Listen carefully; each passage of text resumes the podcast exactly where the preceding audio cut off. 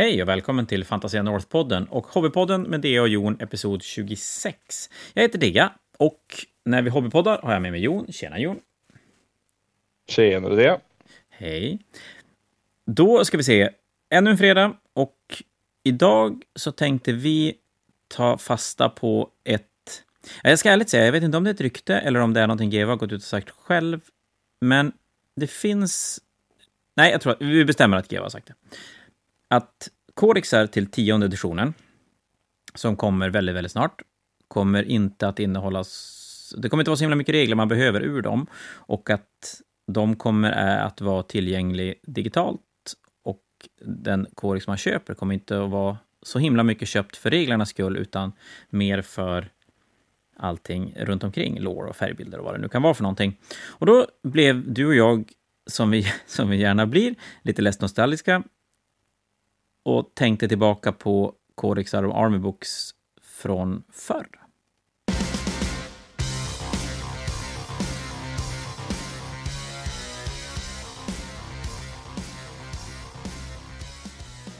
Den gamla goda tiden. Men eller hur, när inte internet fanns. Men så innan vi... dit igen. att, nej men så illa är det inte. Det låter värre än vad det är, skulle jag säga. Generellt sett. Men eh, jo. innan vi landar där så är det ju så att vi målar. Även om idag kommer det bli lite bokbläddrande också. Jag har faktiskt tagit fram lite gamla godingar från hyllan. Men eh, måla ska vi försöka göra ändå. Min pensel valde just att dela sig i två, vilket var lite frustrerande. Och vi, vi tjuvchattade lite innan och eh, Lord of Hybris blir bra nu. Nej, Lord of Pain, förlåt. Lord of Pain. Lord of Pain. Min Lord of Pain blir bra. Nu, den, den blev färdig i, i lördag förra veckan, så det är typ sex dagar Så då är det inte den du sitter och målar nu? Det var det jag trodde du gjorde. Nej, nej, den är ju faktiskt färdig och nu vart jag faktiskt äntligen nöjd med den. Så nu kan jag fortsätta måla mina Mortals. Så nu står ju faktiskt en champion till Slickblade Seekers på mitt målarbord. Han är ju lite större. Eftersom han rider på, eh, ja, något form av djur. Jag ska inte säga exakt vad det är, men det är en Seeker i alla fall. Eh, och eh, det gör ju både större bas och större yta och så får man ju dessutom riddjuret så det blir andra typer av färger. Så nu måste jag ju testa hur går mitt nya coola färgschema som jag vill ha ihop med riddjuren. Vi lämnade ju facit på det där förra veckan så att eh, det är bara att lyssna på det, då jävlar vet du allt. Ja, det måste ju vara så. Ja, helt enkelt. Jag målar systrar. Jag blev ledsen. Alltså, Nej, jag glömde alla limma grejer på jobbet. Men eh, det är ändå så jävla tråkigt att limma, så jag behöver en liten break från det. Så, så vi är tillbaka till Seferims och nu är det verkligen sista. Jag har lite... Just idag sitter jag och highlightar sista färgen på allt brunbeige, så typ eh, Shoulderpads-märkena, eh, håret. Lite sådana saker. Och sen är det typ huden kvar. Och sen har jag fem Zephyrins färdig. Eh, lagom till nya editionen, kanske. Gud vad sugen jag blev och måste erkänna att faktiskt göra en armé till nya editionen. Jag har alltid, jag har haft en Ja, om man verkligen tittar på noggrant på vissa bilder när vi har lagt upp i, för Hobbypodden så har jag en Drukari-modell som jag har stående på mitt målarbord som nästan är helt färdigmålad i ett färgschema som jag är nöjd med och som dessutom går ohyggligt fort att måla. Så jag, jag har den som en påminnelse om att Jon, du borde verkligen röra de där typ 5000 poäng Drukari du har i källaren. Ja, jag tänkte säga, visst fan har du Drukari-grejer sedan tidigare? Va? Men det hade du Det svarade du på. Ja, jag har haft dem sedan 2010 men aldrig gjort färdigt en armé. Har du aldrig gjort det? Är... Jag gjorde aldrig färdigt en Drukari-armé. Alltså, jag har ju det närmsta jag var när vi försökte göra Taylor X Gamers, men det, den, ja, det gick just ju det, som men det då, gick. den, ja, Taylor X Gamers i stort gick ju åt pipsvängen, men för alla utom Bebbe. Men eh, du bytte armé halvvägs igenom, va? Ja, det var till Drukari jag bytte. Ja, det var till Drukari du bytte. Ja, ja, ja. Men jag var som aldrig nöjd med färgschemat. Så nu, men nu har jag ett nytt som jag faktiskt är nöjd med och, och en tanke med det. Och det som går, som sagt, det går väldigt fort att måla. Eh, vilket är lite ovanligt för någonting som jag gör nu för tiden känner jag. Så att ja. jag, är, eh, jag är nästan lite småtaggad på jag var, jag var nästan nära med att föreslå en till Taylor X Gamers. Men jag tänkte just säga det, ska vi, ska, vi, ska vi ge en, ytterligare en chans? Ja, om det släpps slutet på juni så kan vi ta hela juni. Det blir 250 poäng i veckan. ja, nej, det kanske är lite, lite väl hårt. Eh, även för mig, men det är kanske fel att säga att det... Men eh, jag vet i alla fall att ska jag ge mig in på en sån där än en gång, då har jag inget val. Då måste jag göra färdigt. Ja. Men det var inte där vi skulle landa och berätta hur dålig jag är på att göra färdigt saker. För det tror jag att vi kommer komma till lite titt som tätt ändå. Nej, men ju precis, kodexar och, och Army Books och Battletomes och, och vad det nu har hetat över åren. Som sagt, ryktena kring tionde finns att de kommer att inte var nödvändig på samma sätt som de har varit egentligen så länge som du och jag har hållit på med det här spelet. Det har ju alltid varit så att man, man måste köpa sin Battletome. Man har inte så mycket val. Eller sin Codex. För att kunna spela sin armé. Och där har du fått dina regler och bakgrund och färgbilder och grejer. Eh, och som sagt, tionde editionsryktena nu pratar, och det är klart, där någonstans ligger väl framtiden, att eh, reglerna ska vara digitalt på ett annat sätt och att boken ska inte vara lika nödvändig. Och det sitter väl ihop med det här att man är inte jätteförtjust att komma med tio, nej tio nu överdriver jag ska inte vara en sån. Nej men att ha tre, tre olika böcker med sig när man ska spela utan att man tycker det är ganska skönt att inte behöva släppa med sig mycket grejer. Och, och då är det ju digitalt som är vägen. Ja, det, det är ju så. Någonstans så har ju de haft digitala böcker ett ganska bra tag nu, om jag ska vara helt ärlig. Ja, det har de ju. De, de har ju som valt att, att knyta ja, det har varit lite olika, men nu på slutet har de valt att knyta den digitala boken till den fysiska boken. Så att du har egentligen fått en digital bok när du har köpt en, en fysisk bok. Och du kan självklart köpa bara den digitala boken, men då är det samma peng som att, som att köpa en fysisk bok. Så att ja, det, det, är väl, jag tror att de som är vana att köpa digitala böcker tycker det är ganska dumt, för man är kanske inte helt bekväm med eller tycker att det är rimligt att man ska betala lika mycket för en en icke-tryckt produkt som man ska betala för en tryckt produkt. Eh, jag tycker om att bläddra i böcker. Så att jag gillar ju den tryckta boken lik förbaskat. Även om jag har, har gått till att använda mycket digitalt när jag bygger arméer och, och kikar regler. Men kanske inte då så himla mycket GV, för att det är väl så att de, de har inte kanske varit så himla, himla bra, eller är inte så himla bra på att göra sina digitala produkter alltid ska jag helt ärlig, jag är ju en stark användare av GVs app. Men, eh, Men det är på Age of Sigmar-sidan va? Det är väldigt mycket på Age of Sigmar-sidan, för i, för på 40K-sidan så har den ju varit ohyggligt dålig. Däremot så, jag använder ju verkligen inte Bandscribe. Jag, bygg, jag, jag envisas med GVs app. Jag gör det, så att eh, även på 40K-listorna så har jag, har jag använt GVs app. Ja, nej, jag är ju mer så, en Battlescribe-människa och faktiskt då i det fallet när det kommer till att kolla regler så blir ju blir ju Wikipedia ett, ett, ett väldigt... Och det är ju inte för att jag inte vill betala för produkten, för det... Jag menar, Codex-boken har ju lik förbannat liggande där hemma. Så att det är bara det att den är så otroligt, tycker jag, mycket bättre upplagd och lättare att använda än GVs egna digitala produkter. Ja, men alltså GVs egna digitala produkter, eller om vi säger så här, GVs 40K-app är fruktansvärt dålig. Eh, och GVs Age of Sigmar-appen däremot inte fruktansvärt dålig. Den är faktiskt ganska, den tycker jag är bra. Att, ja, men det lilla jag pillar på den. Jag har, inte byggt, ja, jag har inte byggt jättemycket för Age of Sigmar-arméer, det ska jag ju ärligt säga. Men det lilla jag har gjort så känns ju den betydligt mycket lättare upplagd och lättförståelig. Och, och där faktiskt känns den, den känns bättre än att bygga en armé i Battlescribe. Det, det, det måste jag verkligen säga. Men om vi nu hamnar i ett läge där, där boken blir som lite sådär, äh, man behöver inte alls, då blir ju frågan, kommer folk att köpa böcker? Alltså, är vi där att man köper böcker ändå? Eller skiter man i det?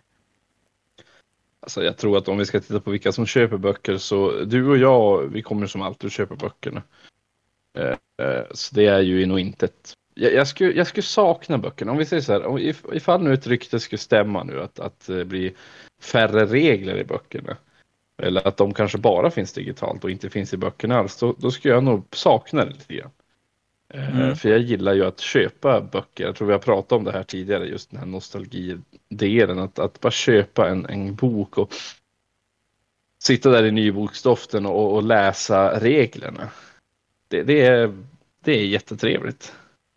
Ja, men det håller jag med om. Det är någonting speciellt med eh, att läsa allting för första gången. Och nu blir det ju inte så himla mycket första gången, för att nu, nu finns ju mycket ute sen innan och, och, även jag har ju svårt att låta bli att inte kika när det, ja men som nu såg jag att tionde editionsregelboken såg ut att ha läckt helt och hållet. Och, och, och nej, det, nu kommer jag läsa den. Det har jag ju svårt att låta bli. Mm. Jo, vi, vi pratade om det i, i ryktesavsnittet. Men det är, det är som sagt, jag, jag, jag, skulle in, alltså jag skulle köpa böckerna. Jag, jag vill ju ha boken, jag gillar att bläddra i den. Däremot så köper jag nu det här, alltså när man ska spela.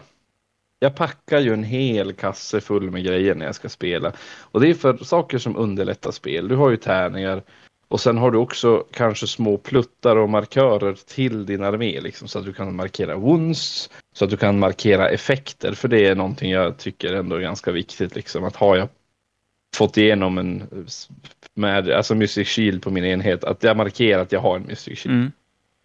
För det, det, är så, det är alltid så jobbigt att hamna i en diskussion mot spelarna. Men jag hade ju Mystic Shield på dem. Men nej, men jag, jag tog och unbindade den. Är du säker? Det är liksom... Nej, och det är klart. Är det då så att man kanske är lite stressad eller lite trött och det, det, det är tajt, då kan det ju bli lite dålig stämning där också. Ja, det är sån onödig diskussion. Så det är ändå ganska mycket du måste ha med dig när du spelar, så jag förstår ju verkligen sammanhanget, särskilt när regelboken som man tar med nu, Generals Handbook eller eh, vad heter det nu, Chapter, Chapter till, eh, precis, eh, till 40K, så boken, alltså själva arméboken blir väldigt stor. Chapter Approved och General Handbook, de är ju små nu. Jo. Eh, så jo. det är ju boken som tar mest plats och lite som, den blir som lite otymplig och, och, lite jobbig att bläddra i. Så nu för tiden när jag spelar, jag tar med mig boken. Men varenda gång jag ska kolla upp en regel, då kollar jag ju i GVs app. För när jag mm. köper boken så får man ju en, en kod som jag, man kan låsa upp alla regler i, i appen.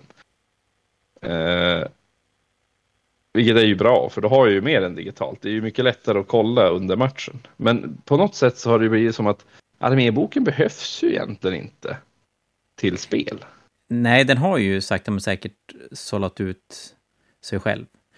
Jag, jag är dålig på att använda digitala böcker eh, egentligen. Och det är väl kanske för att jag inte har gjort mig bekväm med, med GVs app och, och koderna som du får, men jag, jag, jag, köper det, för det är jävligt smidigt och inte behöva ta fram och, och man kanske inte alltid har den avlastningsytan redo för att ha massa böcker liggande heller.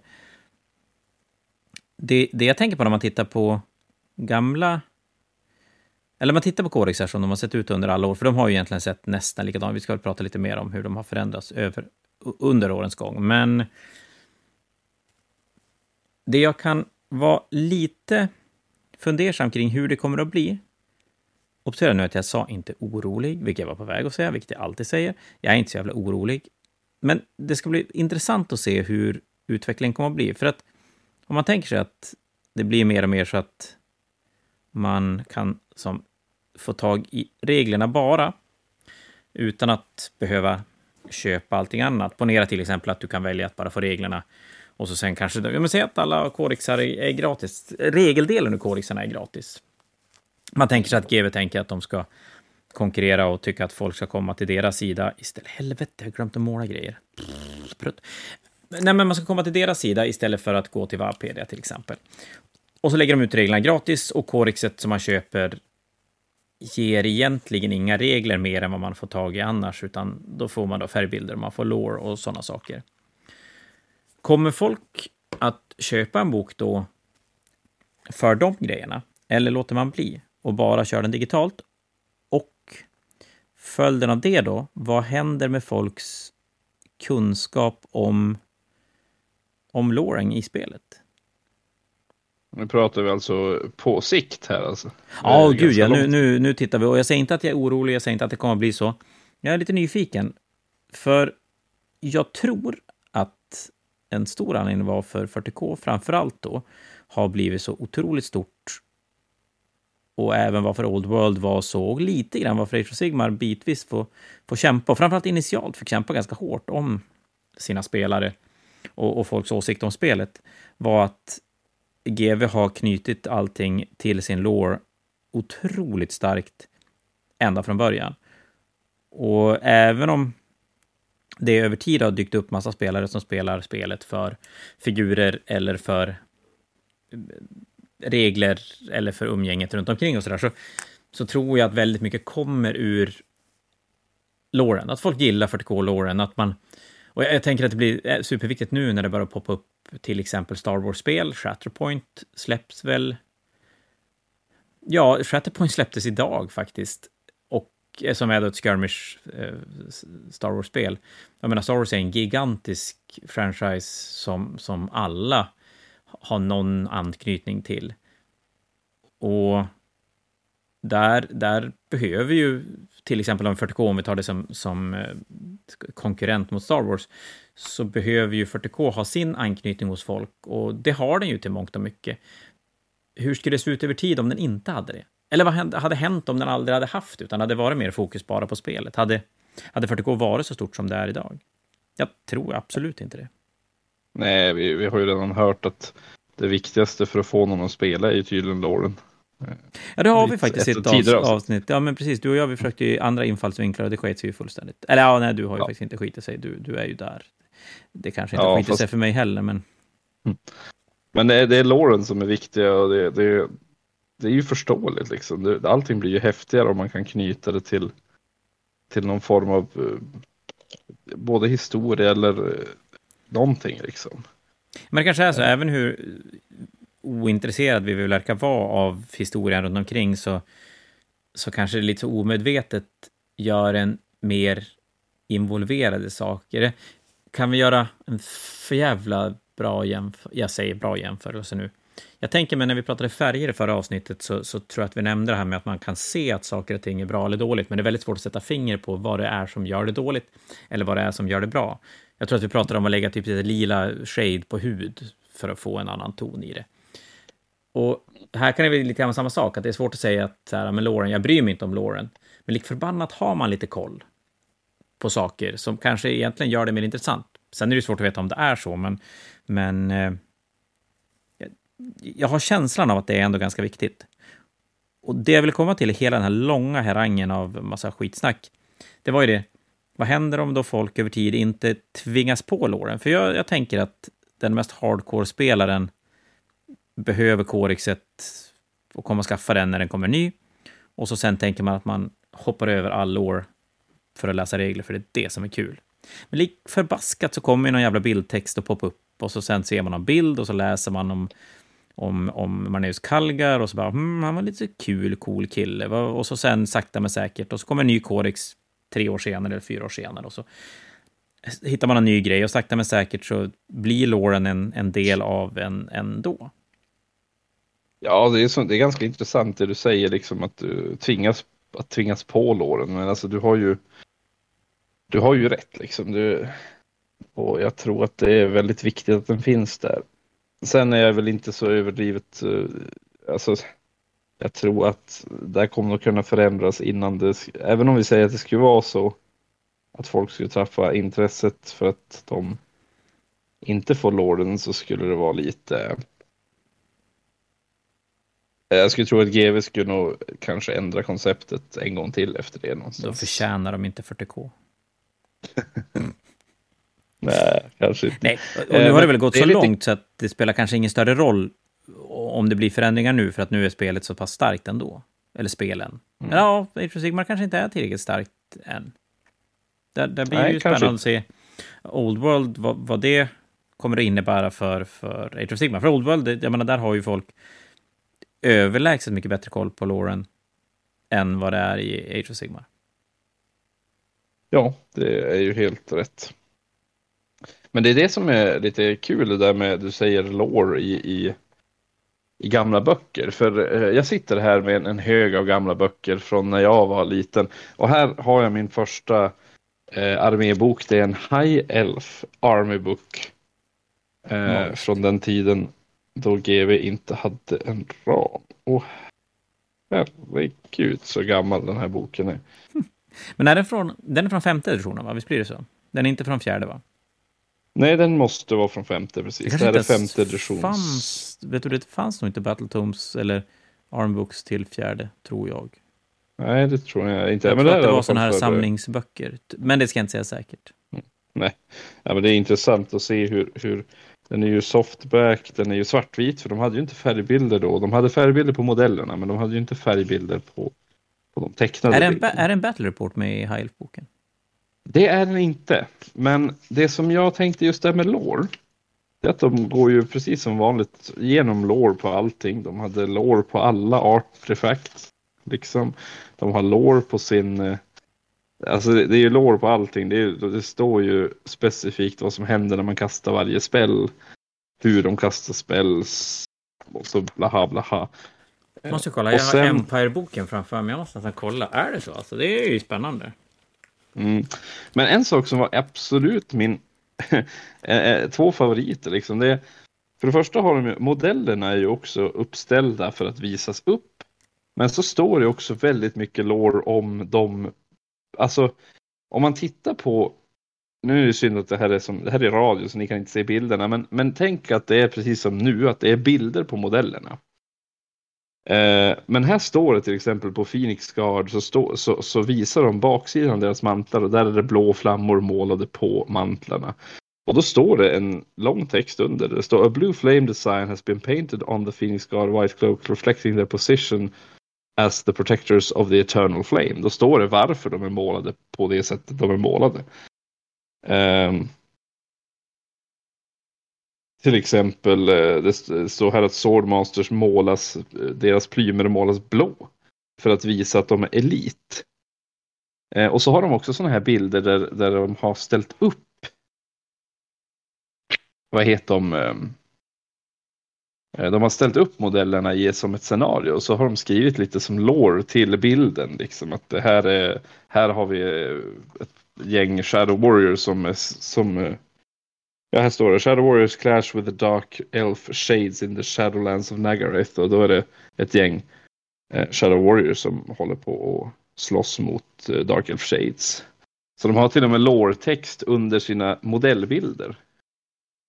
Och sen, framförallt, en annan lore-grej som jag tycker var jätte, jätteroligt i de gamla böckerna. Någonting som jag faktiskt saknar. Det är att de har korta noveller. Ja, det har de ju inte på samma sätt nu alls. Jag, jag sitter faktiskt jag, jag sitter och kollar i Space Wolf-kodexet som är första kodexet till 40K överhuvudtaget, som, som till en specifik armé. Sen fanns det såna här samlingar, kompendiumliknande böcker före det. Men Space Wolf, om jag inte, jag tror att det är den första kodexet till, till 40K någonsin. Och så sitter jag faktiskt med World Eater-boken. Och World Eater är ju då den sista kodexet som kom, som har kommit och kika på dem. Och det är precis som du säger, det är... Eller, nej, det är inte alls som du sa, men, men jag- det är inte, det, är inte, det är något helt annat. Det är ju mycket mer design i de nya böckerna. De är ju en, en fröjd för ögat att titta i på ett sätt som jag inte tror att kodexar A94 skulle vara idag. Hade man inte nostalgin till det, då, då skulle man nog titta på det här och bara, vad i helvete är det här för någonting? Eh, Mycket mer text och som du säger, det, det är... Ja, men den är ju mycket mer designad som en tidning. Alltså det är väldigt tydliga spalter. Det, det är väldigt tydliga bilder inrutade. Medans... Vilken bok hade du sa du? Det, det var Space, det var Space Wolf Codexet jag kollade i. Vilken edition? Eh, Det är second edition, är det. Mm. Så det är mycket tidigare än, än det jag håller i. Ja, det är, ni- 1994 är den copyrightad. Så den, den, eh, det är det första kodex. Jag är nästan hundra säker på att det är första kodexet som kom till, till 40K och då till second edition. Jag vill säga att efter det var det, om det var Eldar, ja, i ganska snabb takt så kom Space Wolf, Eldar, Ultramarin och Tyrannider. Tror jag. Om inte Orke klämdes in där också. Ja, fan, Orke kanske är tidigare. Ja, skitsamma. Det, det är en av de första i alla fall. Och tittar man däremot på på en, en nytt kodex som ni säkerligen, eller, och det här gäller ju även Battletomes till Age of Sigmar, det är ju, konceptet är ju detsamma, så är det ju som att kolla i en actionfilm när man tittar i boken nu. Det, det är väldigt mycket insprängda bilder och, och, och lite så här bakgrund bakom bilderna. Men någonting, jag vet inte hur många sidor den, vi ska se, nu är ju World lite boken ganska tunn, är den i förhållande till vissa andra böcker, men den är på lite drygt 85 sidor. Och Space For Codexet från den tiden var på 88 sidor, så det är ju egentligen lika mycket sidor i böckerna. Och då får du ändå, då, i de gamla böckerna hade de ju, förr i tiden kunde man köpa, eller förr i tiden köptes ju nästan alla figurer i metall, eller göts alla figurer i metall. Och då kunde du köpa lösa bitar från figurerna, så du kunde beställa en Right Lightning Claw och en Storm Shield och en Missile Target Arm och vad det nu kunde vara för någonting. Så längst bak i de kodexerna så har du alla lösfigurer och artikelnummer på dem.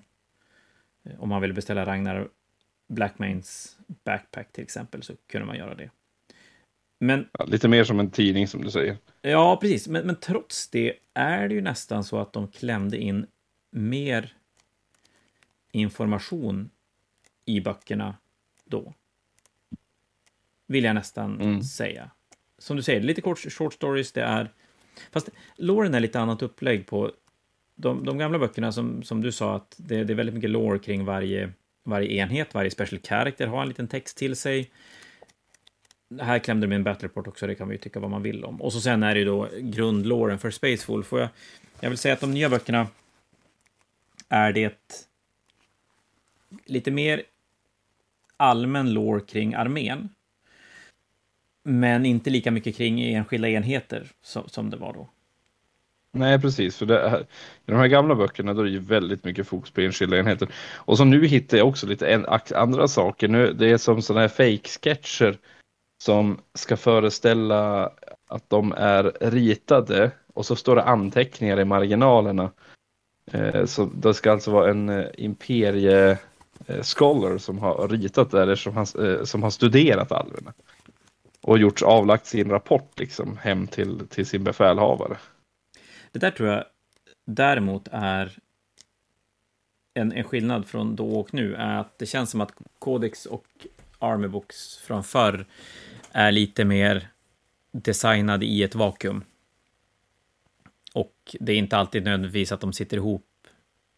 Regelmässigt kanske de gjorde det, det, det, det började vara så länge sedan så jag vet inte riktigt hur balansen såg ut förr i tiden, men nu känns det ju som att böckerna är mycket mer de har satt en design, alltså här ska kodexar se ut och sen ser alla kodexar ganska likadan ut tills det kommer en ganska tydlig så här, nu har de ändrat på hur grunddesignen i kodexarna ska se ut. Och så sen fortsätter det under en period. Det var det väl inte på den tiden lika mycket. Nej, men de har ändå samma typ av upplägg på det sättet. De, de har ju fortfarande lår om, om alla enskilda enheter. Och sen har de de här små flavors. Som jag säger, noveller om, det finns en novell här om Eltharion och Belenar som, som sparrar med varandra liksom och har en diskussion medan som eh, tränar och slåss. Eh, och sen, eh, och så som sagt alla de här fake-dokumenten, här, här finns ett brev som en kurir bar under krig och ett, ett tilläggsbrev där det är någon som har interceptat eh, den här kuriren och snott brevet från honom. Och det var samma sak, jag har en gammal vampyrbok bredvid mig, det var samma sak där. Va? Det var ju såna här, de här gamla, eh, det var novellerna och novellerna i, i gamla Vampire Count Army-boken från, från länge sedan, det är från femte editionen tror jag. Eh, de novellerna är skitbra, kan jag tillägga. De är jätte, jättebra.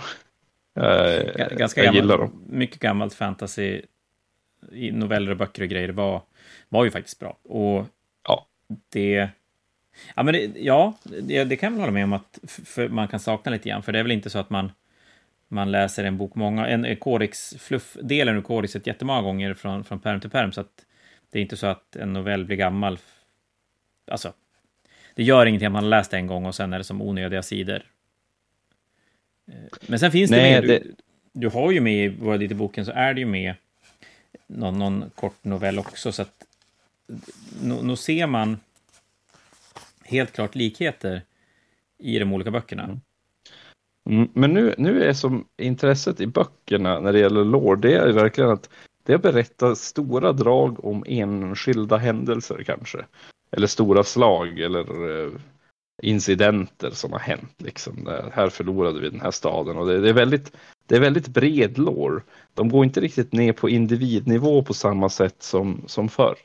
För här har vi ju en hel historia. Det finns en hel historia i vampyrboken om, om en necrarch vampire som eh, blir väckt av en, en, någon som hittar honom för att sno hans kraft. Liksom. Eh, så och det, det, är ju inte ens en named character. Det handlar ju inte ens om någon, någon, någon namngiven överhuvudtaget. Utan det är bara en sån där liten kort historia. För att få lite mer ja, flavor antar jag till, till, till eh, böckerna. Eh, nu är det ju verkligen bara de här stora dragen. Så här ser det ut i det stora politiska spelet och kanske över en tusenårsperiod eller någonting sånt. Och det gör ju att den blir lite mer opersonlig. Jag tror att en skillnad där som har blivit är att i, i 40K så har kodexerna på det sättet sett hyfsat likadan ut. För, för även de gamla kodexerna pratar om, om man kollar Space Wolf nu till exempel, så är det väldigt mycket om hur Space Wolf blev till, om, om eh, Horus Heresy, om Codex Astartes och Lemarus och The Great Crusade. Alltså väldigt, väldigt, väldigt stora saker i Loren. Och så sen pratar de om vissa enhetstyper och sen är det då som du sa, ja nu är det ju en battle report, den är helt jävla meningslöst, men det må ju vara. Och sen är det då lore kring varje enskild enhet, varje enskild karaktär. Och på det sättet påminner de ganska mycket om kodexar som släpps nu, för det är ju också som du säger, det är precis som du säger, att det är väldigt stora händelser, eh, även så slag och grejer, det, det är väldigt lite ner på personnivå. Och Age of Sigmar Battletomsen är ju till mångt och mycket likt 40K-kodexerna i att det är väldigt stora händelser.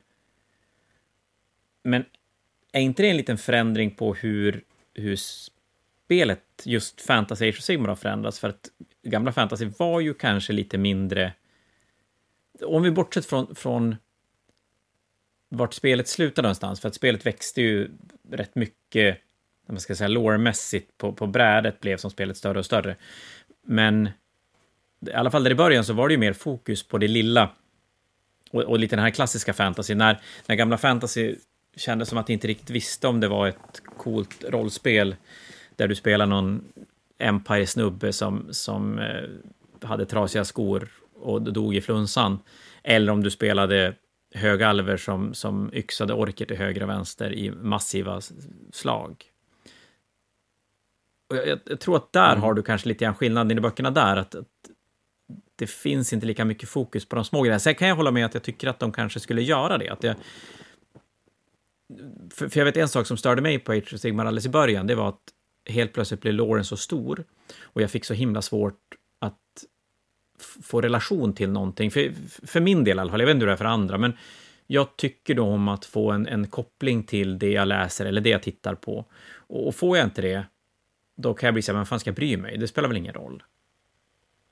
Och det var lite det jag kände i Age of Sigmar från början, att säga, men Stormcast dör och kommer tillbaka, man bara, men vad, behöver jag inte bry mig, det spelar ingen roll.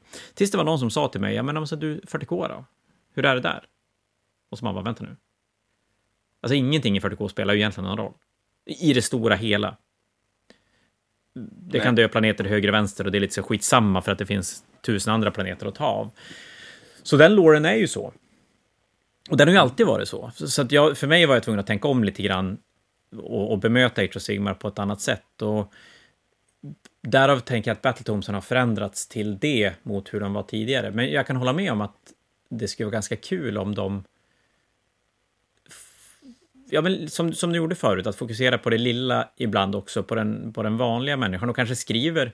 Jag, jag skulle kunna känna, ett, på 40K-sidan i alla fall, att de kanske inte alltid skulle fokusera så mycket på den armén Eh, okej, okay, inte bara fokusera på den armén som kodexet handlar om, för att det är någonting jag kan störa mig på.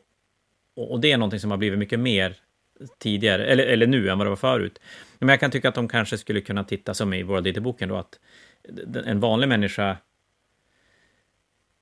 i 40K som på något sätt möter då de här kornsnubbarna som bara är blod och dödskallar och ska döda. Och hur, hur en sån reagerar i ett sånt läge. Och, och lite samma sak i Age of Sigmar, att när det kommer stormcasts, men den där vanliga människan, att knyta det till det som ligger närmare mig själv. Mm. Ja men det är ju lite så, så som jag känner att de gjorde så här, här bak, den här vampyrboken som jag nu pratade varmt om och deras noveller. Jag menar, då handlar det ju om en, en, en mänsklig wannabe nekromantiker som smyger ner i en vampyrhåla till Necrar-vampyrer. Det var den, klar, eller den blodlinjen som fokuserade mycket på magi. Och han gör det under dagtid då vampyren är svag och så ska han försöka mörda eh, den här vampyren som egentligen är hans mästare då för att han han lär sig någonting. Alltså, för att han har lärt sig nekromanti av vampyren. Liksom. Eh, men grejen är att eh, man läser det ur, ur den här mänskliga nekromantikerns synvinkel. Och det är ju och det handlar ju egentligen bara om de två. Det är ju bara de två som är med, han och mm. vampyren liksom, som är med i hela historien.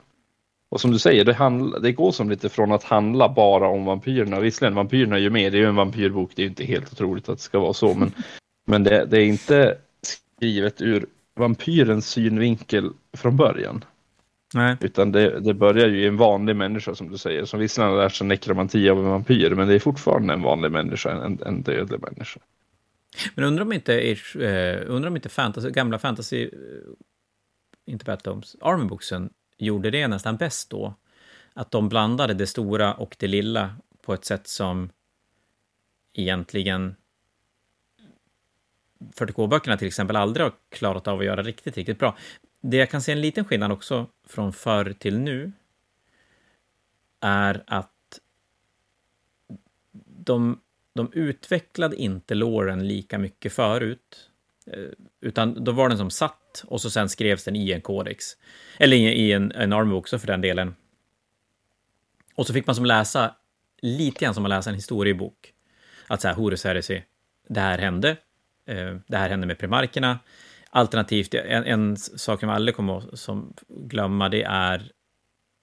Det, jo, men det är nog High Elf-böckerna. Som hela tiden tog avstamp på samma ställe och berättade egentligen nästan exakt samma sak i varje Army som kom. Det, det fyllde på med lite nytt eller kanske bytte ut någonting sådär som inte var med tidigare. Men det stora hela var som samma, likadant, varje gång man läste en ny. Och det här gällde egentligen alla gamla Army Books och egentligen ganska mycket kodexen också. Det tycker jag är en skillnad nu, för nu har ju både på 40K-sidan och definitivt på Age of Sigmar-sidan så, så utvecklas ju låren på ett helt annat sätt än vad det gjorde tidigare. Så att det känns som att det återupprepas inte riktigt lika mycket i böckerna och man läser inte en allmän historia i ett kodex lika mycket nu som man gjorde förut, utan nu är det mer specifikt kring den armén som kodexet handlar om. Men det jag kan tycka är lite dåligt med det är också att många kodexar och battletomes det blir nästan lite för mycket fokus på att den armén jag läser om ska vara bäst och, och lite, nästan lite väl extremt ibland. Kanske. Man vill ju att det ska vara en, en balans. Liksom. Det är ju aldrig spännande om det bara är bäst. Liksom. Nej, men det, det, finns, det finns två böcker som sticker ut i det här. Nu har jag då inte läst allihopa i och för sig från perm till perm, men Chaos Demons i 40K. Undrar om det var... Kan det ha varit åttonde eller kan det ha varit sjunde? Osagt. För den är verkligen så här, korn, det är skalls, och så är det skalls, och så ska du bygga den högsta jävla berget av dödskallar. Och, och så är det verkligen så, och de är bara bäst. Och ossiarkerna i den förra Ossiark-boken, den här är betydligt mycket roligare att läsa, den som kom nu, bara för någon, någon månad sedan. Men den förra Ossiark-boken var så jävla ospännande. För det var verkligen så här att Ossiarkerna kom och det var kört. Ja, kul. Rolig läsning. och, och, det kan tycka, en, en del Codex Army Books hamnar lite grann i nu, att det blir nästan så att det får inte stå någonting halvnegativt om armén i boken, för då, då, borde, då skulle jag tappa helt sugen. Ja, det är som skumt. Eh, det, det borde ju definitivt stå negativa saker. Men jag tycker som du säger att de har blivit lite bättre nu på att kanske nyansera böckerna lite grann och skriva ja, lite det... om, om svagheter i, ja, i armén. Och... Ja, men jag tycker det. Jag tycker också att boken var som slående exempel för att första boken, då var det verkligen så att de kom till ett ställe och de ska ha sin så här benskatt. Och antingen gav man benen till dem på något sätt, eller så dog man. Inga sådär... Men nu, i den här boken så har det ju så dykt upp typ olika typer av, ja men, eh, vad fan heter Taints, eh, i när de ska bygga sina skelett. Så det blir som fel i dem och, och det, det lirar inte så bra som det skulle göra. Och, och det, det, blir ju mer, det blir ju mer intressant, tycker jag. Ja, det blir det ju definitivt. Det blir Men då, gamla böcker, om man då inte bara ska se som att det, alla böcker var bättre förr. Jag tycker då till exempel gamla Army Books i Fantasy hamnade i ett läge där de skulle berätta historien som var. Och så berättar de den historien och så kom det en ny bok och så berättar de samma historia. Och, och så bara om och om igen. Och jag tror att det var sista jag tror att det var sista High Elf-boken som kom, när de började prata om typ War of the Beard och grejer, och det kändes som att de, de var verkligen ute och grävde i, i djupet av Lauren från förr för att hitta någonting nytt att skriva om, istället för att kunna skjuta den framåt. För Fantasy 40K stod ju väldigt, väldigt länge och stampade på, på samma tidslinje. Mm. Det var ju det som vi spekulerade tidigare i att det var ju det som dödade fantasy lite grann. För som sagt, 40K gick alltid att göra någonting nytt spännande för att du kunde bara ta, ja men det är från den här planeten, en av de här miljarder planeterna som finns. Ja, det gick alltid att döda en planet. Ja, det gick alltid att döda en planet. Det gick, det gick alltid att, och det gick alltid att hitta någonting nytt mm. på en planet. För liksom, det kunde ju vara vad som helst.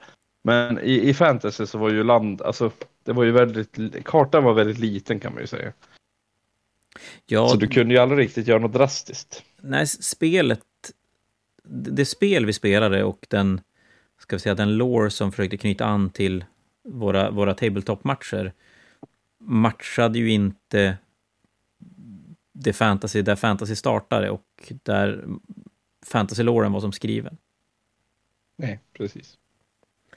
Så det är ju, blev väl en ganska naturlig förändring och, och där ska det bli spännande att se hur de ska, hur de ska göra det nu. Om, eller om de anser att det har gått så lång tid att de, de kan återanvända lore och det som nytt för folk ändå. Mm.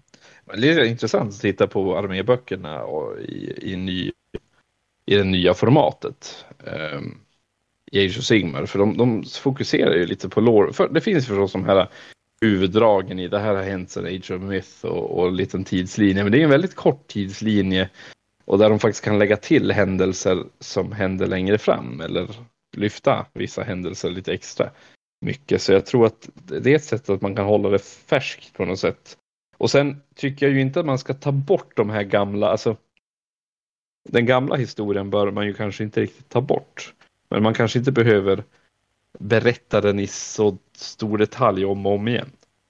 Nej, men det, det är som du säger, att vi behöver den här äh, gemensamma anknytningen till världen och veta varför saker och ting har blivit som det är. Ja, men Harrison eller de, de Age of Sigmar-händelser som är, är, stora, som behöver som följa med. Men ändå hitta en balans där det ges nytt och, och man får läsa om någon ny snubbe som ska gräva upp en vampyrgrav eller någonting. Mm.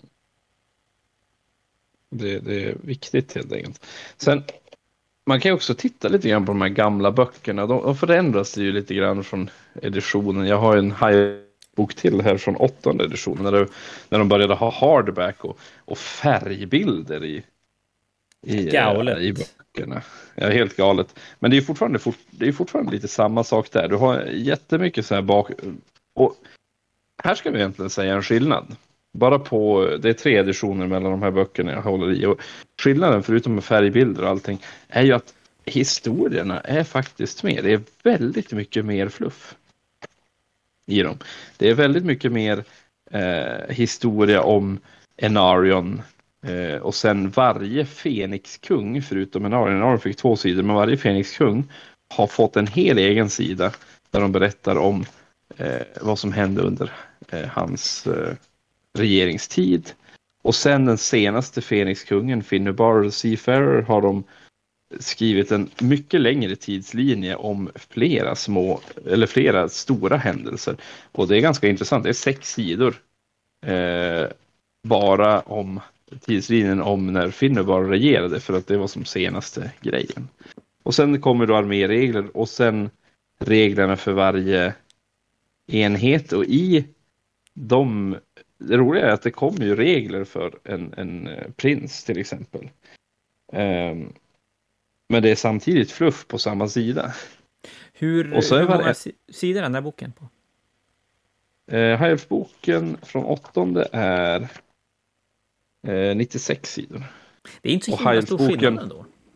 Nej, nej. High-boken som eh, var tidigare från femte, den är på 80 sidor. De andra har, har 16 sidor mer. Men det är hur de har uppdelat de här sidorna som är lite intressant.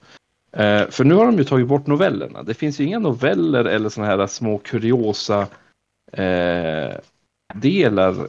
Utan nu är fokus ligger ju på de stora händelserna. Det är det som är grejen. De presenterar väl... varje enhet och de stora händelserna. Men inga små noveller, inga sådana här små kuriosa texter eller, eller props från... Eh, ja, men det var ju som Ogre-boken när den kom. Den hade ju en eh, obduktionsrapport från en uh, Imperial ja, också. Det. Eh, från vad som fanns i Ogre. De hittade en halvsmält pistol i Ogre-magen. Som visar att de faktiskt kan smälta, äta och smälta metall också. Jag tror att det, det är nog det, det, det, där du pekar på nu som gjorde att jag tyckte att böckerna, och nu pratar vi gamla fantasy bara, som gjorde att jag tycker böckerna blev lite ointressanta var att, jag har nog inte ens tänkt på det, men att de slutade, de fokuserade mer och mer på den stora låren, de stora dragen. Och den förändras ju inte. Vi hade ju en tidslinje som var som avslutad och böckerna kom där. Och så tittade böckerna tillbaka bakåt i låren. Och det kändes som att man fick, väldigt, man fick läsa väldigt mycket samma sak om och om igen. Mm. Och tar de då bort de här små, små short stories och grejer, då får du som ingenting som, som blir nytt. Ja, det blir då som du säger, det blir det, det, fylls ut, men du har ändå läst grunden. Även om du får läsa mer om Teklis eller mer om Tyrion, så grunden kan du redan. Ja, det blir väldigt mycket samma sak. Och det är som jag säger, jag saknar det. det är de där små kuriosa grejerna, de var ju ganska kul att läsa. Det de har gjort nu istället då, man, man tittar på böckerna nu, så är det ju, det ska vara intressant att se hur mycket text kontra mycket bilder det är i gamla kodexar och Army Books kontra nya Battletomes och nya kodexar. För det känns som att det är otroligt mycket mer färg, mycket mer bilder, insprängda, mindre text på varje sida. Så det är som är mer en designad produkt nu, layoutmässigt, än vad det var förut. Men innehållsmässigt så kanske det är lite fattigare.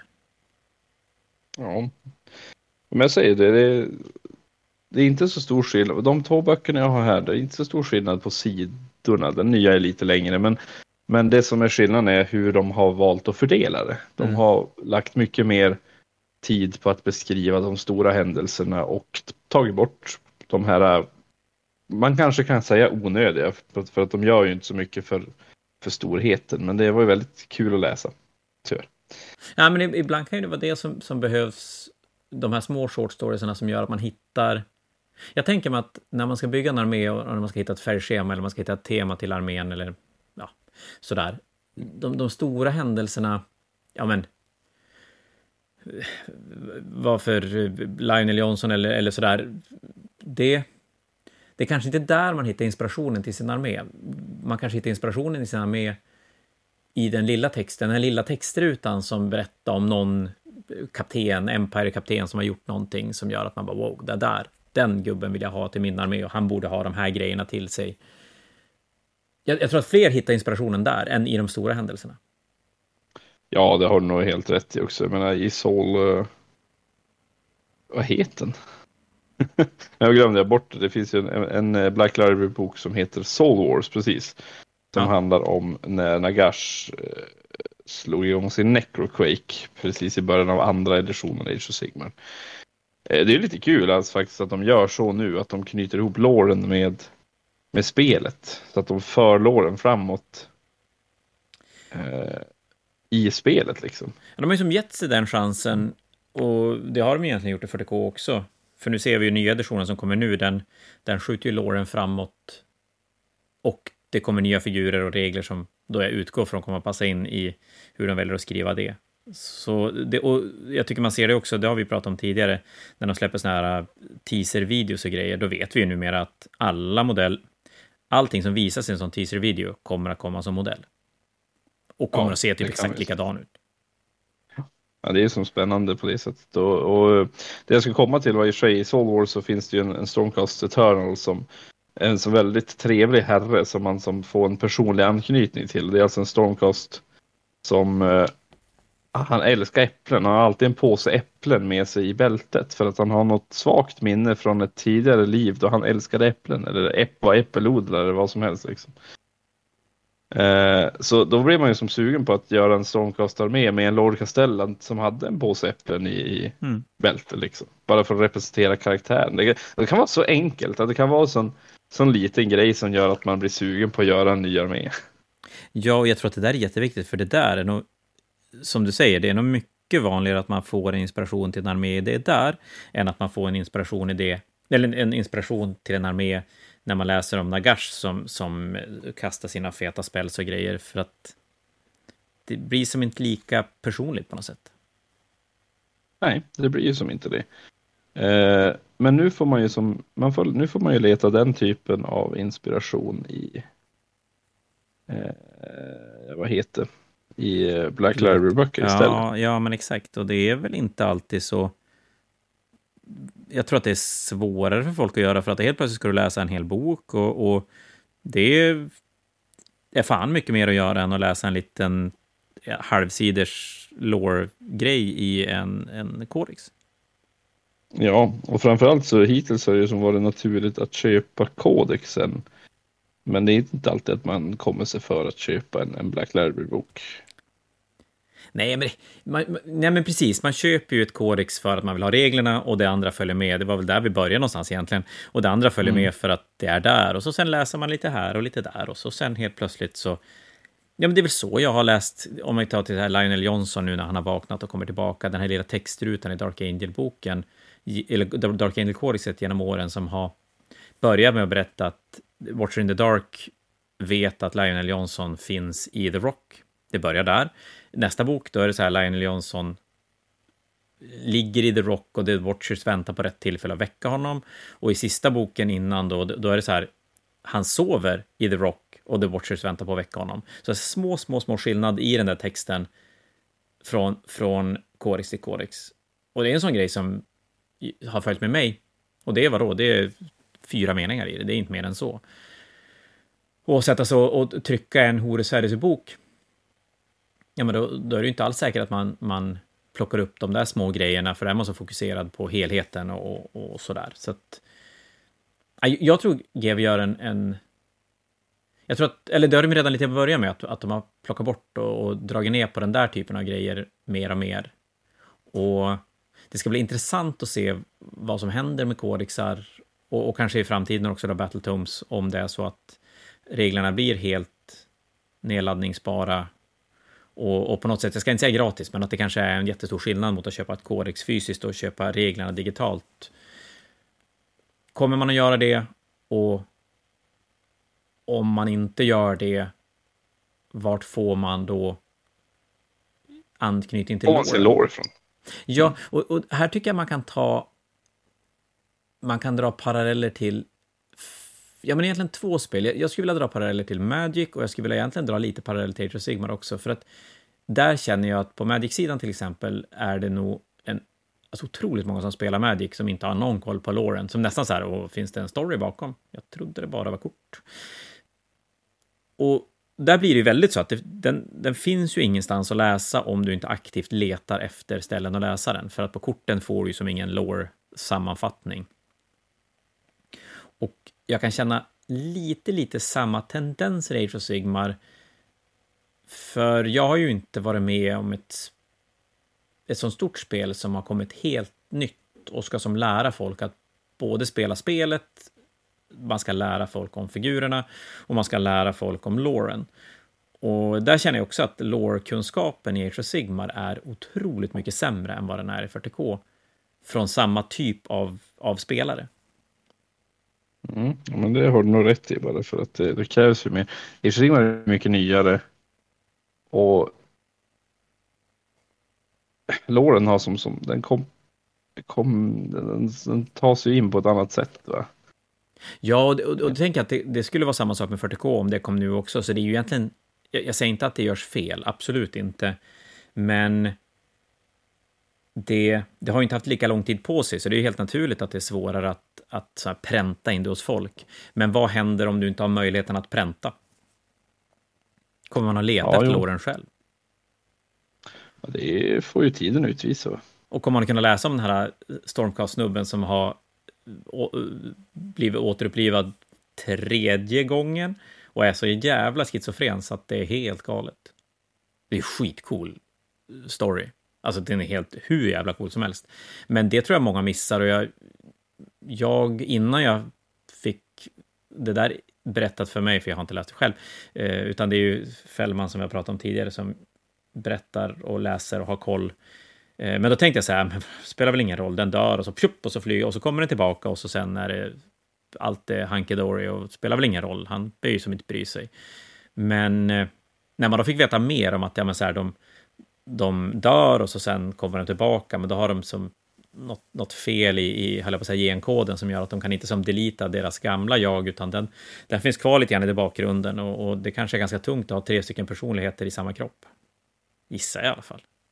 Ja, det är ju det. Och så tappar de ju sitt gamla liv hela tiden. Och de vet ju att de har levt ett gammalt liv. Det, det, jag tror det handlar om den där som han tittar på den, den här stormcasten med äpplen. Han tittar ju på en liten tjej som som eh, på något sätt han eh, eh, som att han har glömt sin egen familj. Han vet mm. att han har haft en familj liksom som älskar honom och han älskar dem, men han vet, han, han som glömt bort dem. Och Ja, nu, hur mycket kan man spoila Soul Wars? Det är ändå ett flera år gammal Ja, bok, det är bara att spoila på. Det är som att... Det är väl bara att spoila på. Men ja, jag, jag kör en spoilervarning. Om ni inte har läst, så, om ni inte har läst Soul Wars så kan ni hoppa över de, de nästa, nästkommande tio sekunderna kanske. Ja. Men uh, jag... Uh, ja, I Soul Wars så, så, är det då en eh, kvinnlig stormcast som blir beordrad att ta hand om en liten eh, föräldralös flicka i den här staden eskortera henne och allting så vidare. Och det visar sig att den här stormcasten är faktiskt flickans mamma. Jaha. Men hon kommer inte ihåg det själv. Men kommer flickan ihåg det? Eller ser det? Nej, hon, nej, nej så hon var så liten. Hon var ju bara en bebis. Men alltså, ja, okay. från, början, från början när, när hon dog. Liksom, men alltså det, liksom, mamman dog men blev kallad till asyr och blev reforged och, och så det blir lite, trag det är lite liksom. tragiskt ändå. Ja, det blir, det blir tragiskt. Det, det kan fällas tårar i, i, den där boken kan jag säga. Det är inte en dålig bok. Men alltså, det är just det där att, eh, att de just glömmer bort sitt gamla liv. Men de vet ju ändå att, om att de har haft dem. Och det riktigt tragiska är ju de som kommer ihåg delar av det. Liksom, jag har haft en familj, men jag vet inte, vilken, jag vet inte vilka de är eller exakt var de är eller om de ens lever eller om det. Jag vet inte om det var. Jag vet inte om de är typ 40 år gamla, är mina barn 40 år, jag kommer ihåg att jag haft barn, men är de 40 år gamla nu eller var det för 400 år sedan jag hade de här barnen? Alltså det, ja. Och har du då dött en gång som... till så att, och, och, och, så sen så här börjar det ja. andra saker som klaschar med. Nej men, och helt plötsligt blir ju Stormcasten jävligt intressanta. Mm. När, man, när man hör det där. Och ja, nej, så, sånt hoppas man ju verkligen att de inser att det där behövs för att Ja, men för, för oss som inte bara spelar spelet för att vinna matcher, alternativt som inte bara spelar spelet för att vi ska måla den där snygga figuren som vi såg, utan man vill ha, ja men det här har vi pratat om tidigare, man vill, man vill knyta hobbyn i, i tre delar, både spelandet, målandet och Lauren. Och Lauren är ju den delen som knyter ihop allt annat så jävla bra. Varför jag sitter och målar den här färgen på de här gubbarna. Mm. Och det är inte bara för att jag gillar den färgen, utan att det finns en annan, en annan anledning till det också. Mm. Men en sak, eh, jag tänker också att det skulle vara lite kul att bara nämna i alla fall, det är ju för... Nu har vi pratat lite om skillnader i böckerna, men det är fortfarande ganska samma lika ändå. Visst, de har lagt lite fokus på lite olika ställen och man märker ganska tydligt vart GW vill att fokuset ska ligga under perioder och, och som du säger nu när du har tagit fram lite olika tidsåldrar av, av uh, Army Books och Battletomes. Kodexarna till 40K har ju förändrats under periodvis otroligt mycket. Uh, det började ju som kodexar egentligen som de ser ut idag med de förändringar vi har pratat om i, i lite av innehållet. Men sen under... Uh, nu ska vi se, för de är lika tjocka nu som då. Alltså från second edition men sen i tredje editionen de släppte kodexar, då, då pratar vi sent 90-tal, början på 2000, då kuttade de ner dem så att helt plötsligt blev böckerna egentligen tre, fyra sidor lore och resten regler. Och så var en kodex, ja, nu har jag inte ens, tror jag, sparat någon sån. Jag orkade inte gå och leta i alla fall. Men då tror jag inte böckerna var mer än hälften så tjocka som de var nu. Att då var det nog bara en 40 sidor och det var nästan bara regler. Kommer du ihåg den tiden? Eller är det före alltså jag har, Det är lite före min tid, men jag har ju haft den här eh, Drukari-boken som de hette Dark Eldar på den tiden. Mm. Eh, som var eh, den tredje editionens kodex reviderad för fjärde ja, edition. Ja, just det. Det var en sån här stämpel med så här second edition eller någonting. Var det nu? Ja, men precis. Det var, det, det var, det var verkligen, jag tror det var revised till och med stod det. Ja. Det, var, det var det var verkligen en, de hade tagit tredje editionsboken och gjort en exakt kopia med de ändringar som behövdes för att den skulle passa att spela i fjärde. Och då såg man ju verkligen, den var ju väldigt tunn. Den var ju ohyggligt tunn. Det var ju mm. nästan som du säger, det var ju nästan ingen lår alls. Det var de stora dragen kort. Eh, och sen var den full av, det andra låren man fick där, det var full av citat från random, inte named characters, utan var random Drakari liksom. Jag tror att det var någon eh, Kabal-lider, vad hette de på den tiden? De hette ja. Arken. Det hette ja, de förr. Det hette de nu också. också eh, de, det var någon Arken som sa Fetch me another plaything, this one seems to have broken. Det fanns ett sånt jävligt citat, citat. någonstans. Väldigt coolt citat. Nu var det kanske en Himonculus som sa det, men, men oavsett vad det var så var den full av sådana där saker. Alltså, death is my meat, terror my wine. Alltså det, det, många av de här citaten användes för Dawn of War dataspelet sen, råkar jag veta. Men eh, det, var, det var fullt av små citat liksom, men det var inte mycket lår. Det var det ju inte. Det, det kändes lite grann som böcker som skulle ha passat in digitalt nu.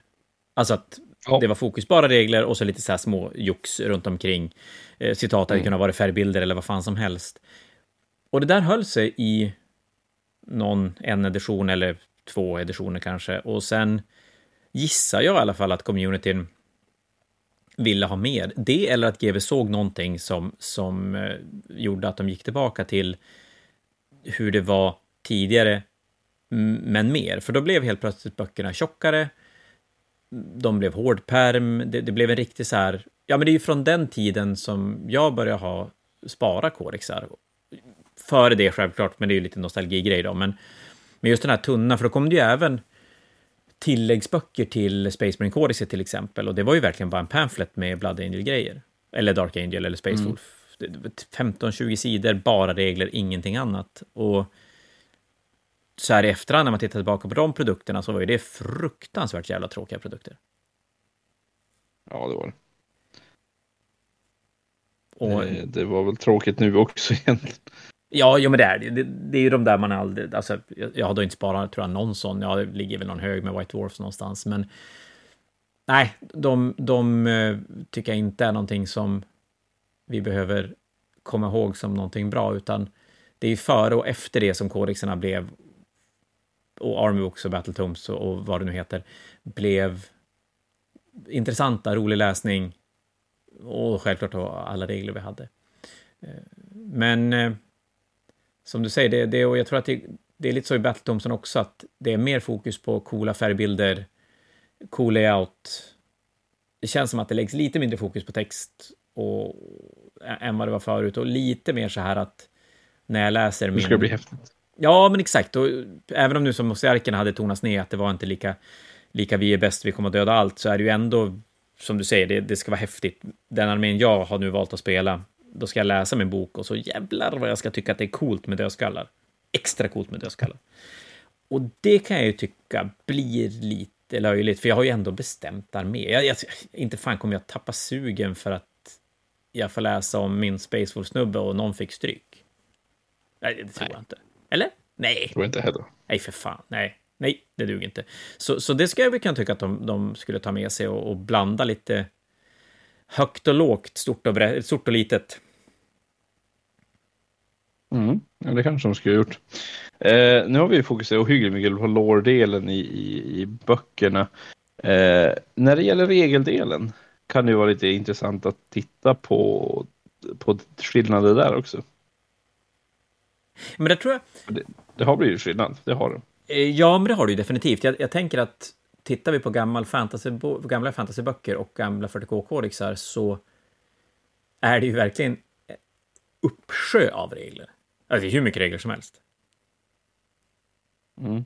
Ja, jo, och det kom ju från en tid då, alltså regelboken var ju 300 sidor och, och det, det, är ju verkligen mycket regler för att passa det. Eh,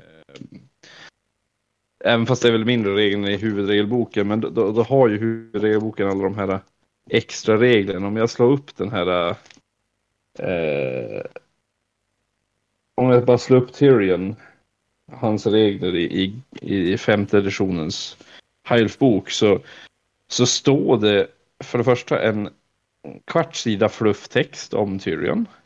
Sen står det en eh, introduktion till Tyrion, inte i kursiv stil, där det står liksom Tyrion is the mightiest high elf warrior alive och så bla bla bla om hur, hur bra han är. Och sen står hans profil.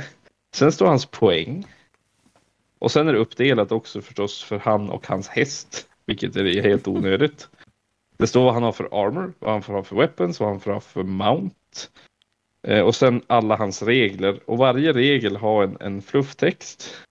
Och sen en massa text om hur regeln fungerar. Ja, det är ju jättemycket regler.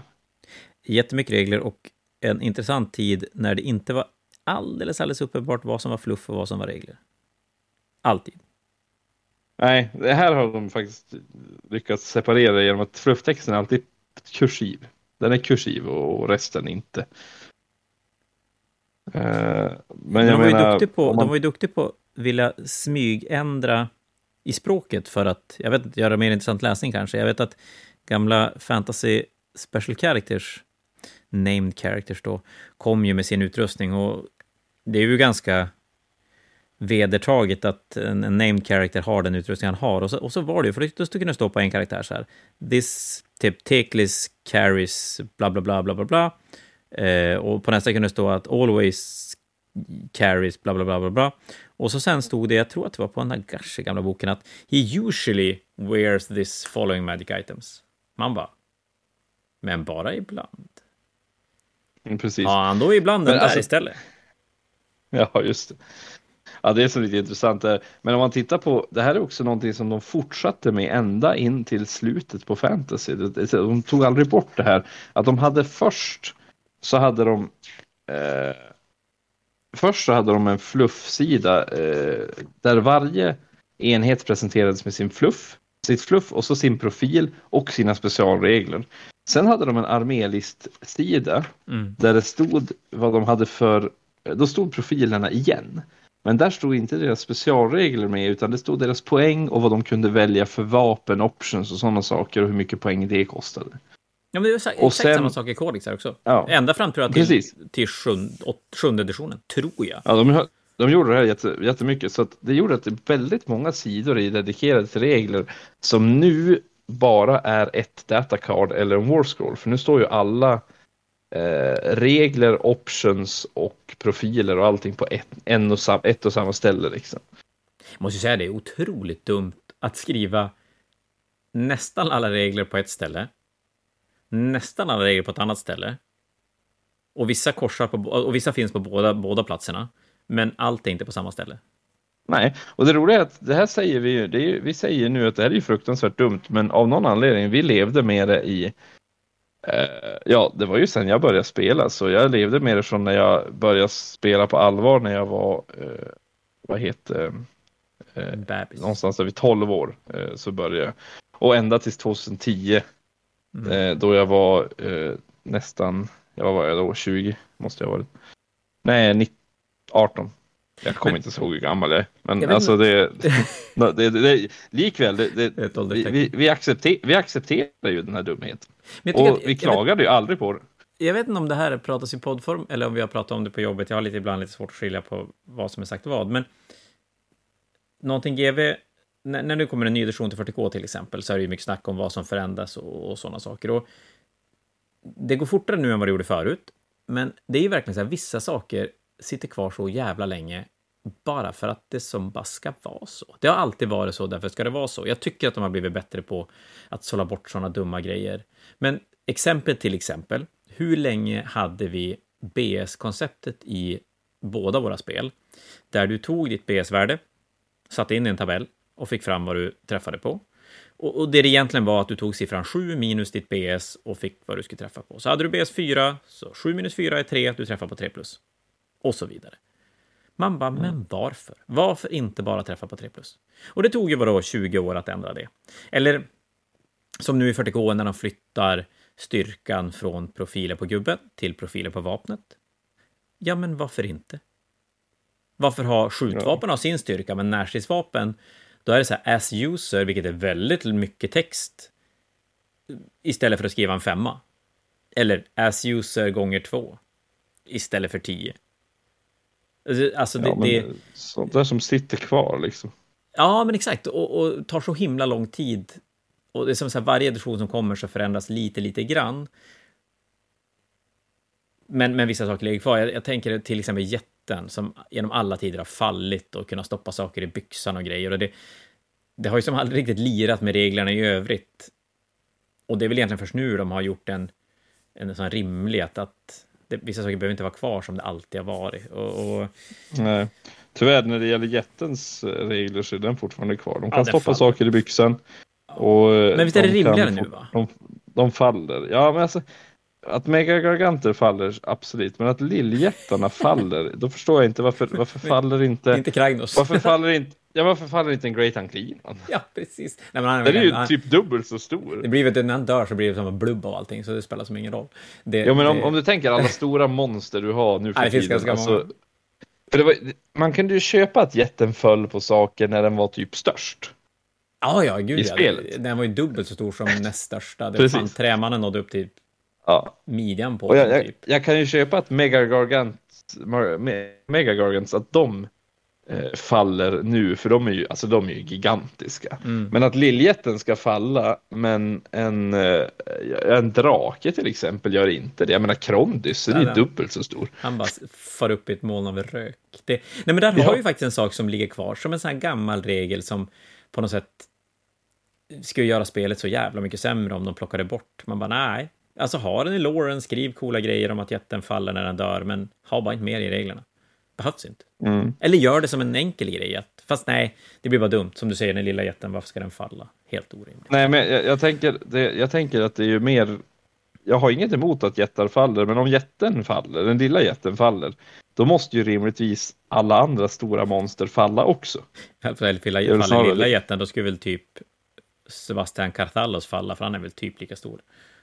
det känns nästan som det. det nej, men, nej, men just det här som du säger att det, det, det, kodexen här då, när de har reglerna på två olika ställen, att det, att det är så och så sen hänger det bara med så himla länge. Och det, där undrar jag om inte GV har, för det pratas ju mycket om det och jag har väl varit med ganska länge själv, som jag har sett det under ganska lång tid, att GV är ju inte alltid så himla duktig på att ta in nytt folk, utan det, det är ju mycket samma människor som snurrar.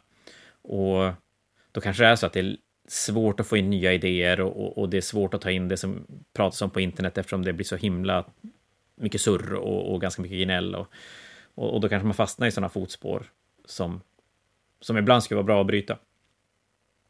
Jo, det, det, det, kräver ju att någon börjar ifrågasätta, men varför har vi det här liksom? Och det är inte alltid man gör det. Eh, även om man kanske tycker så, men alltså det, det är bara en sån där sak som hänger kvar. Ja, ibland är det eh, enkelt det, att inte vara den som, som ska gå in och förändra, utan bara rulla vidare på ett, på ett uppenbarligen vinnande koncept, för så är det ju. Det, det är ju inte, uppenbarligen funkar det och sen skulle det väl alltid kunna bli bättre. Men, det förstör eh, väl inte spelet? Om att nej, nej, det gör det ju inte. Och, och någonstans så, så ger det ju oss någonting att prata om när allting inte är perfekt. Eller ingenting är ju perfekt. Det, det kommer ju alltid att, att upptäcka något nytt man vill ändra och, och fixa sådär. Men eh, oavsett, ganska kul att titta tillbaka på på förändringarna i kodexerna. Jag vet inte om någon överhuvudtaget fick någon, någon sorts känsla av hur det var förut. Ah, det kanske egentligen var lite skitsamma. Det var, det var inte bättre förr, men eh, har man varit med förr så är det ju väldigt mysigt att bläddra i de gamla böckerna. Eh, att titta på grönflockade baser på ett grönt bräde med gröna kullar med flock på. Men det var ju inte bättre. Ja, det var ju definitivt inte snyggare om man säger så. Nej. Och det ska bli jätteintressant att se nu då först 40K vad som händer med kodexar och om de ryktena som... Jag, jag, vet ju inte säkert om det var GW som... Jag, jag har fått för mig att det är GW själv som har sagt att, att man ska typ använda två sidor ur kodexen och, och resten är regelboken. Ehm, och då, då ska det bli otroligt intressant. Eller ja, man ska ha datacards till varje enhet och så sen ur regelboken, är det, eller ur korexet är det ett, upp, ett uppslag man kommer att använda när man spelar, om det är då strategems man kommer att ta därifrån. Och det blir ju då väldigt, väldigt intressant att se hur det kommer att ur en affärsmässig synvinkel påverka Corex försäljning. Men det var ju ma, det är ju bara att beställa färre av dem, så det är ju faktiskt inte synd om mig för det. Ganska skönt att inte behöva rea ut gamla Corixar som vi gör nu. Nu säljer vi 40K Corixar för 100 kronor styck och datacards för 20 kronor styck. För att de försvinner ju. Och, och kanske blir nostalgiskt någon gång i framtiden, men just nu blir de ju ganska värdelösa. Så det är skönt att slippa sådana saker, men eh, det ska bli väldigt intressant att se över tid. Eller det kanske vi, det kanske inte, vi kanske behöver längre tid än vad vi kommer att få på att se det, men det skulle vara intressant att, att få någon sorts facit på vad det händer med, med folks regel, äh, lårkunskap och hur det kommer att påverka intresset i arméer. Vad, vad, vad förankrar man sina arméidéer i om man inte har låren utan bara har regler och utseende på figurer. Får jag om jag bara får spekulera lite fritt här. Nu tänkte jag att det de kanske gör, som jag tycker skulle vara relativt smått intelligent, är att göra som de gör just nu med Generals Handbook för kodexen. Eh, det vill säga att de, har, de säljer två böcker. En lårbok och en regelbok. Men du köper dem tillsammans. Eh, och den regel, regeldelen är en liten del som du bara kan lätt ta med dig och spela med. Ja, det vore ju jävligt coolt. Vore ju. Det kanske inte skulle vara helt fel, för då kanske man, alltså då, då, då, köper man ju boken i alla fall, men man behöver inte ha med sig en, en hel bok, utan man har med sig ett litet häfte. Ja, faktiskt. Att man får som, ja men är det två sidor så, så är det det, för det är kanske är det som krävs för att man ska känna att man man befogar sitt Corex-köp med att ja, men jag behöver de här två sidorna. Precis, jag behöver dem. Och, och det, det, kanske, eller så kanske det är så att man, men nu är nackdelen med det är ju att om de vill gå in och förändra så sitter vi fortfarande i att ett tryckt produkt är ju en tryckt produkt och den, den går ju som inte att uppdatera, men eh, Ja, men det, det, ska bli spännande att se, för, för jag känner ju att jag kommer ju plocka upp ett kodex även om det inte är några regler i den, för att man gör det för att man alltid har gjort det. Och plus att jag tycker om att titta färgbilder och jag tycker om att läsa små, små lore-grejer i, i kodexerna. Men eh, kommer folk att göra det och om man inte gör det, hur mycket ska vi säga, inom citationstecken, saker man måste ha, måste vara med i en bok för att man ska välja att köpa den. Räcker det med ett uppslag regler för att man ska känna att, ja men vad fan, jag tar den? Eller, eller skiter man i det då? Väldigt bra frågor. Någon annan får svara på dem. Jag tror att vi får ett facit ganska snart, för att det kommer i alla fall att komma. Kodexar kommer att komma. Blir de åt det hållet så det finns ju tydliga säljsiffror på kodexar förr och nu, så det kan man ju verkligen se skillnaden snabbt. Sen skillnaden, eller förändringen över stor, över lång tid, är ju väldigt, väldigt, det vet vi. Vi vet ju aldrig hur det skulle ha blivit om de hade legat kvar med samma böcker, så det kan vi bara spekulera. Eh, jag hoppas bara i alla fall att folk fortsätter suga in lore-grejer. Sen om det kommer från en köpt korex, eller om det kommer från, från internetartiklar från Warhammer Community eller vart det nu är ifrån. Det är ju egentligen skitsamma. Men eh, sluta inte läsa, diskutera, prata lore, för det tycker jag är otroligt intressant. Och jag har ju ynnesten, och det har ju du också, att vi alltid kan, vi kan omge oss människor som älskar loren och vill prata om den, så att man får ju alltid veta, även om man inte läser själv. Men det är ju, så är det ju inte för alla. Långt ifrån. Måste man ju anstränga sig lite grann själv. Svinjobbigt. Ah, det finns ju bra lore-pods på YouTube i och för sig också. Det är ju ganska nice att lyssna på när man gör annat. Vet du, här sitter jag sjukt besviken på mig själv. För att det, det, det börjar ju dra ihop sig om att, att uh, vår, vår vår timme är färdig och, och jag, har känt, jag har hunnit måla som så lite. Nej, vi har inte målat någonting alls. Jag vet inte. Ja, vi har ju hållit på i fan en timme och 20 minuter. Det blir nog vårt längsta avsnitt hittills tror jag. Jag har målat svinlite. Var det för att det här var intressant att prata om? Klockan är mycket. Kanske, kanske är det. Ja, det, jag har pillat väldigt mycket på det här, men det, jag har bara målat två lager färg. Jag har, jag har målat grundlagret och så har jag skuggat det på, med mitt lila och sen har jag som fixat till highlights med samma färg igen. Så jag har ju bara suttit här med två färger och det känns ju lite som att jag inte har gjort ja, någonting. Jag har ju highlightat fyra systrars eh, Purity Seals och eh, shoulder pads grejer och lite hår på två av dem. Nej, idag var det oproduktivt. Men det var intressant att prata böcker, var det. Mm. Eh, det... Ja. Nej, vi brukar ha så jävla bra sådana här avslutnings... Här borde vi sluta, för att det har jag inte idag. Så skit i det helt enkelt. Ska jag vara helt ärlig, du, du sa en ganska bra avslutning tidigare och sen fortsatte du prata. Så att det var, Som vanligt. Du gick förbi den. Du gick ah, förbi ja, det, ni får spola tillbaka och lyssna på den, svinbra. Eh, annars, innan vi avrundar för dagen, så det vanliga Ja, men det ska vi säga. Vi, vi säljer ju faktiskt ut eh, nionde editions kodexar på fantasianorth.com för en hundring styck. Det är rätt urplockat, men det finns lite grann att plocka upp fortfarande om ni vill spara för att kunna ta fram om 20 år och nostalgia er tillbaka till en, en våthandbok i nionde editions 40K när ni spelar kanske 20 editionen. Kan vara någonting kanske. Vi finns på Patreon för er som vill stötta oss lite extra. Eh, sök på Fantasia North på patreon.com så kommer ni att hitta det. Där finns det, ja, det, det ska vi säga, inom situationstecken heta nu är väl att man har väl möjlighet till lite så här ful förhandsbokning av Leviathan-lådan eh, som vi vet mer om förmodligen i nästa avsnitt. Men ja, men du, det måste vi ta också medan vi ändå har hållit på jättelänge. Vi avgjorde ju Arms on Parade på Fantasia i veckan det var en jätterolig målartävling och det är, ni kan se bilder på sociala medier från den. Vi hade 11 stycken bidrag där det handlar om att måla upp en liten armé med displaytray och ställa ut för röstning under en dag. GV har kört det ett gäng år och vi valde att plocka upp det nu. Superlyckat! Eh, gå gärna in och kolla bilder och bor ni inte i Umeå för att vi kommer att köra en till som blir inlämning maj 2024, så det är ett tag kvar, så ni har gott om tid på er att pula på idéer. Eh, bor ni inte i stan så är det ju faktiskt så att ni lämnar in den på morgonen och hämtar hem den på kvällen, så att då kan man göra en liten roadtrip till Umeå, vara med på tävlingen, hänga på Fantasia en stund, snacka med folk, göra Umeå. Det är grejer det. Och så sen plocka upp den sen.